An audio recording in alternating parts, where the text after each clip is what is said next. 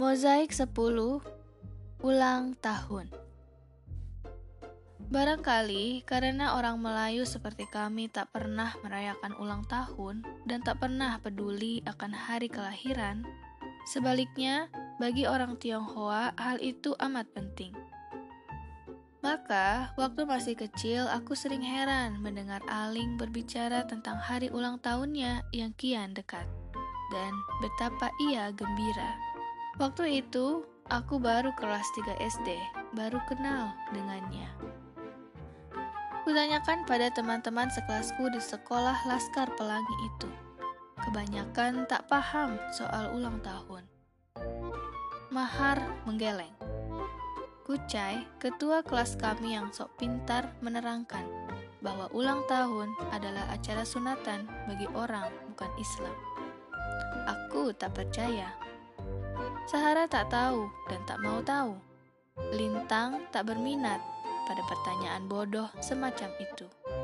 Ia terlalu asik dengan geometri jurusan tiga angkanya. Perkara ulang tahun adalah gelap bagi anak-anak Melayu melarat yang udik di kampung paling timur di pulau terpencil Belitung ini. Karena mulutku cerewet, Syahdan menjelaskan sambil malas-malasan bahwa ulang tahun adalah acara untuk memperingati arwah seorang pencipta lagu. Arwah gentayangan itu, katanya acuh tak acuh, baru bisa disuruh pulang ke alam baka setelah diberi kue, yang di atasnya dipasangi lilin merah dan lagu ciptaannya dinyanyikan bersama-sama. Borek yang berotot dan selalu ngotot, meskipun selalu salah, langsung mendebat Syahdan. Katanya, ulang tahun justru acara untuk menghormati arwah pencipta kue bertingkat-tingkat dan lilin merah bernomor itu. Syahdan tersinggung. Dari mana kau dapat kabar bohong itu? Borek tergagap-gagap. Karena tadi jelas ia hanya mengarang-arang, namun ia tak mau kalah. Ia mencoba memojokkan Syahdan. Kalau begitu, mengapa hanya orang Tionghoa yang merayakan ulang tahun? Kita tidak. Syahdan bangkit. Sebab pencipta lagu itu berasal dari Taiwan. Nah, itu baru bohong. Dia bukan orang Taiwan. Dia adalah orang Madagaskar kalau kau mau tahu. Mengapa tahu-tahu tak ada ombak, tak ada angin, Madagaskar? Aku tak tahu. Petaksir Borek pun begitu. Hanya mulut dan pikirannya yang tahu. Ia sendiri tak tahu. Borek semakin ngelunjak, gara-gara merah di rapornya dari empat telah turun menjadi tiga. Ia tertolong pelajaran PKK. Lalu, dengan serius ia mengingatkan bahwa kue itu tidak cocok bagi perut orang kampung macam kami. Bisa mecet-mecet boy, itulah kenyataan sebenarnya tentang ulang tahun. Syahdan dan Borek lalu bertengkar sengit soal kesahihan asal-muasal arwah gentayangan ulang tahun. Pertengkaran itu menjalar-jalar soal jin jahat, jin baik, dan jin insyaf. Untung ada Trapani. Berkatalah si tampan Trapani bahwa ulang tahun tak ada sangkut pautnya dengan hantu tapi justru dengan pangkat orang tuanya. Menurutnya, ulang tahun hanya diperbolehkan bagi anak-anak orang kaya yang tinggal di kompleks elit gedong milik para petinggi maskapai timah. Atau boleh saja dirayakan anak-anak karyawan timah di luar gedong dengan syarat pangkat bapaknya minimal 2D, semi staff. Bahkan, sambungnya dengan serius, seorang anak yang sangat kaya di gedong berhak merayakan ulang tahun dua kali dalam setahun. Ia pun mengingatkan, jika anak-anak orang miskin berani-berani melakukan ulang tahun, mereka akan ditangkapi polisi. Lalu Trapani yang rupawan tersenyum simpul. Katanya ia telah menghitung-hitung, andai kata tak ada aral melintang pada karir bapaknya sebagai operator telepon analog di maskapai, insya Allah 12 tahun lagi ia berhak merayakan ulang tahun. Mendengar itu aku gemetar, Borek membanting bukunya, syah dan pucat. Karena walaupun sampai pensiun, lalu bekerja lagi dari mula di maskapai timah dan pensiun lagi, begitu terus sebanyak empat kali, Ayahku selaku kuli mentah tukang cedok timah takkan pernah mencapai pangkat 2D. Adapun ayah Bore, seorang pejabat teras penjaga pintu air, bahkan tak pernah diberi pangkat oleh maskapai. Namun, Syahdanlah yang paling sial di antara kami, sebab ayahnya tidak bekerja di maskapai.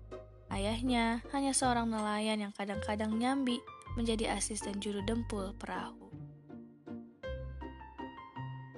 Belakangan, melalui tukang azan di Masjid Al-Hikmah, aku mendapat ilmu bahwa orang Melayu kampung hanya merayakan hari kelahiran Nabi Muhammad. Itulah yang disebut Maulid Nabi. Dan darinya pula aku tahu bahwa pada hari ulang tahun orang memberi hadiah. Maka biarlah aku takkan pernah punya hak untuk merayakan ulang tahun, tapi aku ingin memberi Aling hadiah ulang tahun, sebuah hadiah yang paling mengesankan yaitu layang-layang buatanku sendiri, lengkap dengan segulung benang gelas untuk beradu. Bahwa anak perempuan tak pernah main layang-layang, aku tak terpikir sampai ke sana. Layang-layang ikan bulan dari kertas kajang itu sangat indah. Bisa berdengung pula karena dari sayap kiri ke sayap kanannya telah kupasang peta kaset dari album Roma Irama, Hak Asasi, yang kasetnya telah rusak lantaran terlalu sering diputar abangku. Kupasang pula ekor bersurai-surai dari sisa kertas minyak dekorasi perkawinan kakak sepupuku. Lalu, inilah inti yang sebenarnya. Dekat terajunya, kutulis namaku. Ikal. Waktu memberikan hadiah itu, dadaku bergemuruh karena itulah pengalamanku paling dekat dengan sesuatu yang bernama ulang tahun. Aku ragu, malu, dan merasa berdosa. Teringat akan cerita tukang azan di masjid itu sekaligus gembira dengan cara yang tak dapat kujelaskan. Maka, kupejamkan mata dan kuserahkan layangan ikan bulan bersurai-surai itu padanya. Sebuah penyerahan diri bulat-bulat pada godaan yang menyenangkan. Aling menerimanya sambil tersenyum. Senyum yang menggelembung-gelembung seperti busa sabun ditiup lewat pelepah pepaya. Aku tak tahu makna senyum itu, yang ku tahu, senyum itu membuat badanku panas dingin. Oh, ulang tahun ternyata sangat menakjubkan. Setelah itu, aku berjanji pada diriku sendiri untuk selalu memberi Aling hadiah ulang tahun karena aku ingin lagi melihat senyum gelembung busa sabun itu. Perkara pangkat semi staff dan maulid nabi itu perkara lain. Pada ulang tahun berikutnya, berarti waktu aku kelas 4, ku persembahkan padanya seuntai tasbih dari biji-biji buah berang berjumlah 33. Sejumlah puji syukur umat Islam atas keagungan Allah yang selalu dirapalkan usai sholat. Sampai jauh malam aku memilih akar benar dan biji-biji berang itu. Seperti layangan dulu, tak sampai ke kenyataan bahwa Aling adalah umat Konghucu Aku hanya senang membayangkan prakarya itu pasti elok tampaknya jika dipakai aling sebagai kalung. Aku masih terlalu naif untuk mengerti implikasi angka 33 itu. Aku senang Aling selalu memakai kalung tasbih dariku. Ia pasti tak paham pula makna angka 33. Tapi tak pernah kulihat layangan ikan bulan bersurai-surai mengudara. Dewasa ini mungkin karena terlalu banyak menonton televisi atau mendengar lagu barat, orang Melayu pun mulai merayakan ulang tahun. Meriah, anak-anak kecil saling mengirim kartu undangan yang juga kecil-kecil. Huruf-huruf di dalam kartu itu mungil dan kalimat mengundangnya lucu. Keponakanku menulis untuk kawannya, kalau kau tak datang, aku akan menangis. Ulang tahun tak lagi misterius seperti kami masih SD dulu. Kemarin aku mengunjungi Aling. Ia sedang menggoda-goda sepasang kenari yang ditenggerkan pamannya di dahan rendah pohon kecapi di pekarangan rumahnya. Sore yang indah itu kami lalui dengan percakapan soal betapa ia jatuh hati pada kenari itu. Katanya, diam-diam sejak kecil sebenarnya ia selalu terpesona pada kecantikan burung. Ia berkisah, minggu lalu ia hampir pingsan lantaran takjub melihat belasan ekor burung punai tersasar dan hinggap di dalam kecapi itu. Empat ekor, aku terpaku, tak dapat bergerak. Matanya yang kecil terbelalak. Dekat sekali denganku. Itulah pertama kali kulihat burung punai dekat, burung yang sangat megah, indah sekali.